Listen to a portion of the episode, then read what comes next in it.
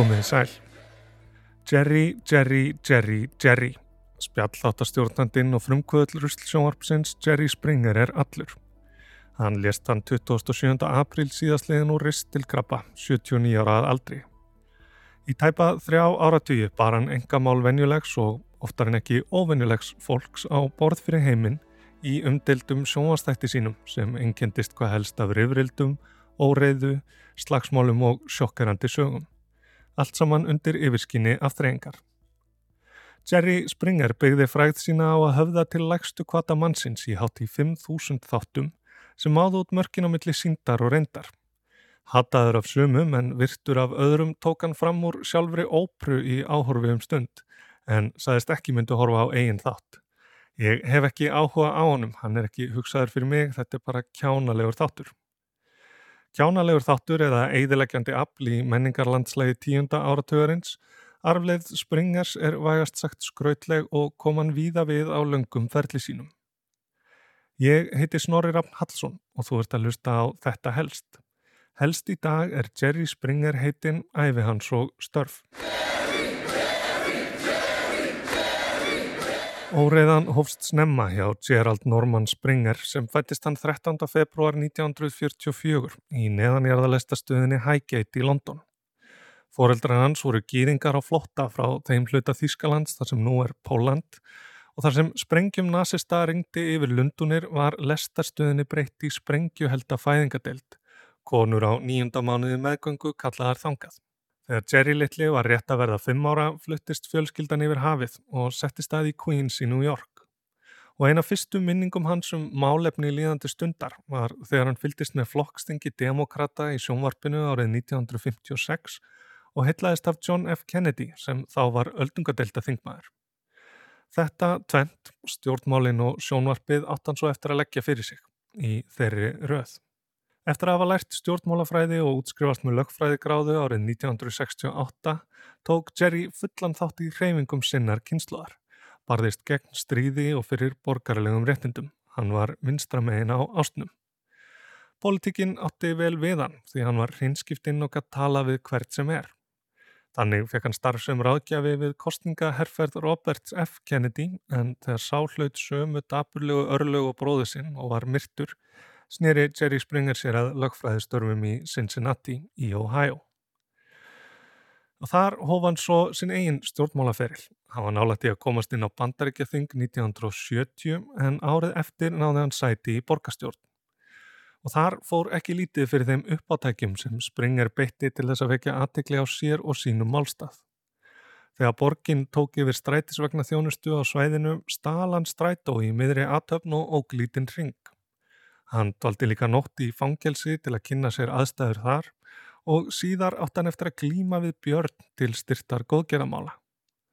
En 1974 sæði Springer skindilega af sér sem borgarfulltrúi af persónulegum ástæðin, en játaði svo að hafa greitt fyrir þjónustu kynlífskvenna með ávísunum. Hann var þá ekki lengi að ná sér aftur á stryk, var endurkjörinn strax í næstu kostningum og gengdi stöðu borgastjóra í eitt ár árið 1977. Ef það er eitthvað sem enkendi Jerry Springer er það að hann gegst ávalt við sjálfum sér og það skammar löst. Þegar hann böði sig fram í forkostningum demokrata til ríkistjóra Ohio 1982 viss hann að mótframbjóðundur hans myndu gera sér mat úr nexlismálinu með kynlífsverka konurnar. Til að slá vopnin úr höndum þeirra myndist Springer sjálfur á málið í sjómasauðlisingu, saðist ekki hrættur við sannleikan jafnvel þó hann væri sár. I'm Jerry Springer, and I want to be your governor.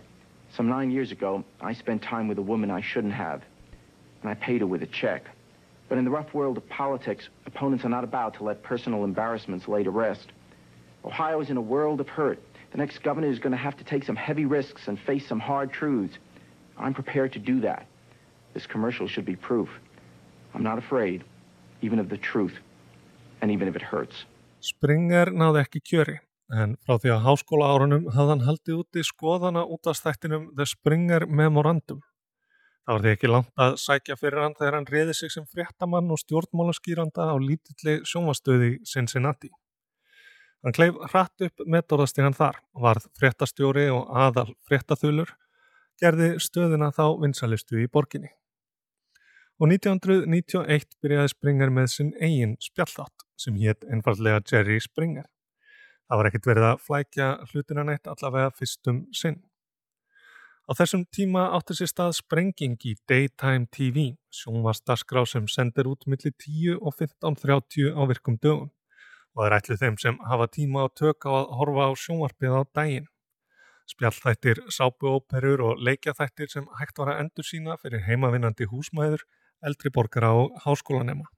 Jerry Springer byrjaði sem spjallþáttur um stjórnmál og málefni líðandi stundar og var gerður að fyrirmynd Donahue sem hóf göngu sína 1967 og tók fyrir mál sem skiptu þjóðinni eftir flokkslínum. Það var röggrætt framhald á ferli Springer sem pólitíkusar og fréttamanns að fjalla um mikilvæg málefni og meðal viðfangsefna fyrstu þáttana voru heimilisleysi og svo bissu egn og pólitík í bandaríkjónum. Stór og alvarleg mál, sem sagt. En samkeppnin var hörð Jerry Springer hafði takmarkaða dreifingu og pressa á hann á áhorfi var mikil. Nokkuð fljótlega gerðu Springer og framlegandi þáttana Richard Dominic því talsera breytingar á þættinum til að standa út í dagskrá sem var farin að hallast sífælt meira í áttinað raunverulegu drama, var hrári og meira augrandi en áður. Og þannig var til þátturinn sem við þekkjum í dag, elskum að hata eða hötum að elska, eftir því hvernig á það er litið. Why would you sleep with your sister's boyfriend? Because she's not good enough for him. He needs to upgrade to me, a, a model chick. Yeah.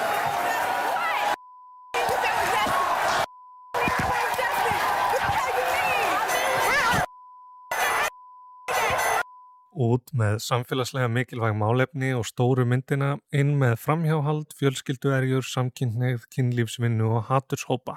Allt sem var umdelt trekti áhörvendur á skjánum, því nexlanlegra, því betra. Gestir þáttarins voru kvattir til að sleppa af sér bislinu, reyðast, bölva og slást. Áflóg urðu daglegt brauð í þættinum og ekki var óalgengt að óheflað orðbræð fólks í uppnámi væri bípað svo mikið að intakið glataðist með öllu. Brjóst, rassar, kinnfæri og löngutangir sem myndavillarnar fenguðu óhemju oft voru peiksluð. Og fyrir þá sem vildu sjá það sem ekki mátti sína í sjónvarpinu voru myndbönd og DFD-diskar án allrar rittskoðunar til sölu og seldust vel.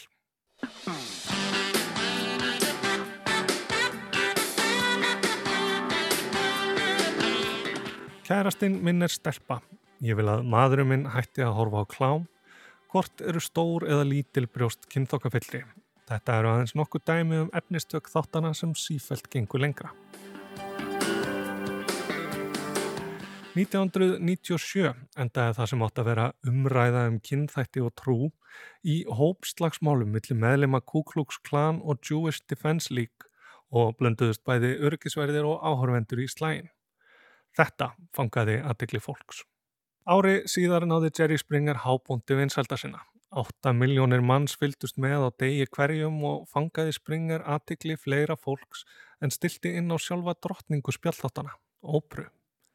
Sama ár kom svo út einn umdeldasti og frægasti þáttur Jerry Springer, sem nú hefur víða verið reynlega bannaður. Í I Married a Horse, ég giftist hesti, rætti Springer við þrjá gesti sem áttu í ástarsambundum sem tegja sig millir tegunda, það er við dýr. Mark frá Missouri var giftur hesti sínum pixel og sæði sambandið byggja á samþykki.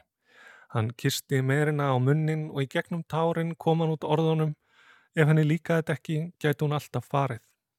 Mark greindi einnig frá því að í 40 ár hefðan barist fyrir samfélagslegu samþykki fyrir kynlífi með dýrum, aðtæfi sem hafi smitaðan af livrabólku sem hægt og rólega var að draga hann til dauða. Eins og áður segir urðu þættirnir næstum 5.000 talsins, hver öðrum ótrúlegri og það væri eilífðarverka að telja upp öll furðulegheitin, átökin, dramað og rugglið. En leifum okkur aðeins. Never a regret. And I, I had I had tried to get the, le- the left leg infected several times. I figured maybe if I get it gangrene, the doctors would take it off. Every time I get it infected, they just clean it out. You know, I'm like, I'm getting tired of this. I mean, I'm getting it all infected and everything, and they just gonna clean it out. Í 16. þáttaröð fekk Springer til sín söndru, transkonu í hjólastól. Sandra hafði sex árum áður nefnilega sagað af sér lappirnar, nokkuð sem hún hafði haft þörf fyrir frá því hún var 14 ára gömul. Heilin í mér sæði aftur og aftur, losaði við þar, svo ég varð að losa mig við þær, sagði hún. Áður hafði hún reynd að síkja sjálfa sig svo læknar þyrtu að aflimana en það hafði ekki gengið. En góður Jerry Springer þáttur byggir ekki bara á furðulegri og sjokkerandi sögu. Það þarf átök og í settið mætti Kenny sem hafi fæðist án fótleika og útúðaði söndru fyrir vanþaklæti sitt. Þetta var formúlan að sína áhörvendum eitthvað sem gáttu nexlast á og búa svo til rifrildi. 2012 mættu til hans móðir og dóttir sem saman mynduðu Dominatrix Duo, konur sem stjórna karlmönnum í kynlífi og beita valdi með þeirra samþykki. Því ekkið sem eitt og sér er sjokkerandi síndi áhörvendum svo kynlífsþrælsinn og til að fara enn lengra með þetta allt saman var eiginkona hans og kölluð fram til að skamman og smána. En þó áhörvendur sætu límdir við skjáin dag eftir dag til að sjá hverju Jerry Springer tæki upp á næst voru aðrir sem fordæmdu sjónaspilið. Fóreldrasamtök settu þrýstinga á auglisendur um að hætta að styrkja þáttinn og Jerry Springer Nation var það frasa þeirra sem töldu þáttinn og aðra hans líka því auðvitað reyndu aðrir að leika sama leik, spilla siðferðiskend bandarísku þjóðarinnar. Þátturinn var útnemdur versti sjónvastáttur allara tíma Springer varð samheiti yfir aftreyingu sem höfðaði til hennar lægstu kvata og Jerry var sagaður um að hagnýta sér aðstæður gesta sinna og heimsku áhorvenda sinna. Sangildi þess sem byrtist á skjánum var alltaf nokkuð á reiki, var handritið skrifað fyrirfram eða veitti Springer áhorvendum insýn inn í kema og líf raunverulegs fólks sem annars fengi enga aðtegli. Springer og framleiðendur þáttana voru á því síðan nefnda, sögðust kanna gesti vel áður en þeim var hleft á settið og ákveðin hegðun var ekki liðin, svo sem kvartningar áhorvenda til slagsmála eða ofbeldi karla gegn konum. Þetta gekk þó upp og ofan. 2003 kom í ljósað hópur fólks hafði þóst vera hluti af ástarþrýhyrningi til þess eins að komast í þáttin. Og þegar eitt er að var myrt rannsakaði lögreglan hvort að hefði eitthvað með Jerry Springer þáttin að gera en svo reyndist ekki vera. Jerry dró aldrei dul á það sem hann var að gera, sá aldrei eftir orku miklu lákurunni sem hann reytti á borð. Ég horfi ekki á þáttinn en hann er heldur ekki fyrir 66 ára gamla Karla, sagði Springer í viðtali 2010. Ef ég var í háskóla myndi ég að horfa og ég nýtt þess að gera þáttinn, það er mikið fjör. Og aldrei tók Jerry sig of alvarlega, hann hafði húmor fyrir sjálfum sér klukkutími af lífiðínu sem þú fær aldrei tilbaka og sóun á tækni frá 1991 voru setningar notaðar til að auglýsa þáttin og þegar Jerry blést til visslu til að fagna 3000. þættinum var hann sá eini sem mætti. Hann grínaðist með að líklega færa hann til helvitis fyrir æfistarfið en fólk ætti að byggja þess að hann færi til himna því þá ættum við öll greiðaleið þangað. Jerry kom einnig víða fram sem skopstæling á sjálfum sér. 1998 lekan aðallutverkið í kvikmyndinni Ringmaster sem spjallþáttastjórnandin Jerry Farelli. Sama ár kom svo út sjálfsæfisaga hans sem hitt líka Ringmaster. Ég get bara fundið upp einn titil á ári, sagðan. Justin Powers meðlaðan málum millir Dr. Evil og sonar hans, hann kom fyrir í Roseanne og X-Files. En frægast af öllu er sennilega þegar hann talsetti sjálfan sig í Simpsons í atriði sem allt eins hefði geta átt heima í hans eigin þætti. Okay, we're back.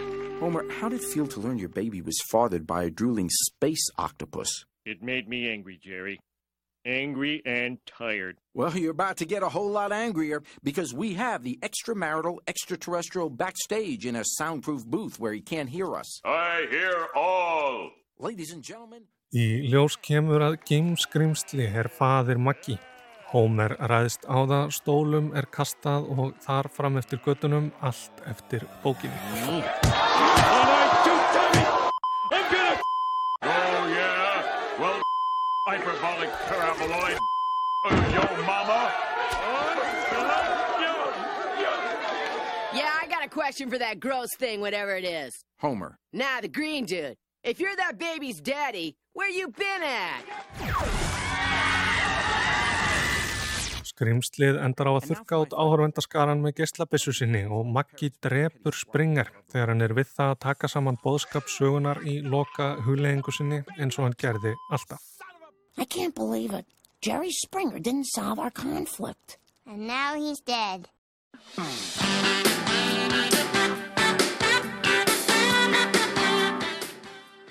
Þetta var helst af sjónvarpsfrömiðunum Jerry Springer. Ég heiti Snorri Raffn Hallsson og þakka áhernina og eins og Jerry lauk öllum sínum þáttum hugsið vel um sjálf ykkur og hvort annað.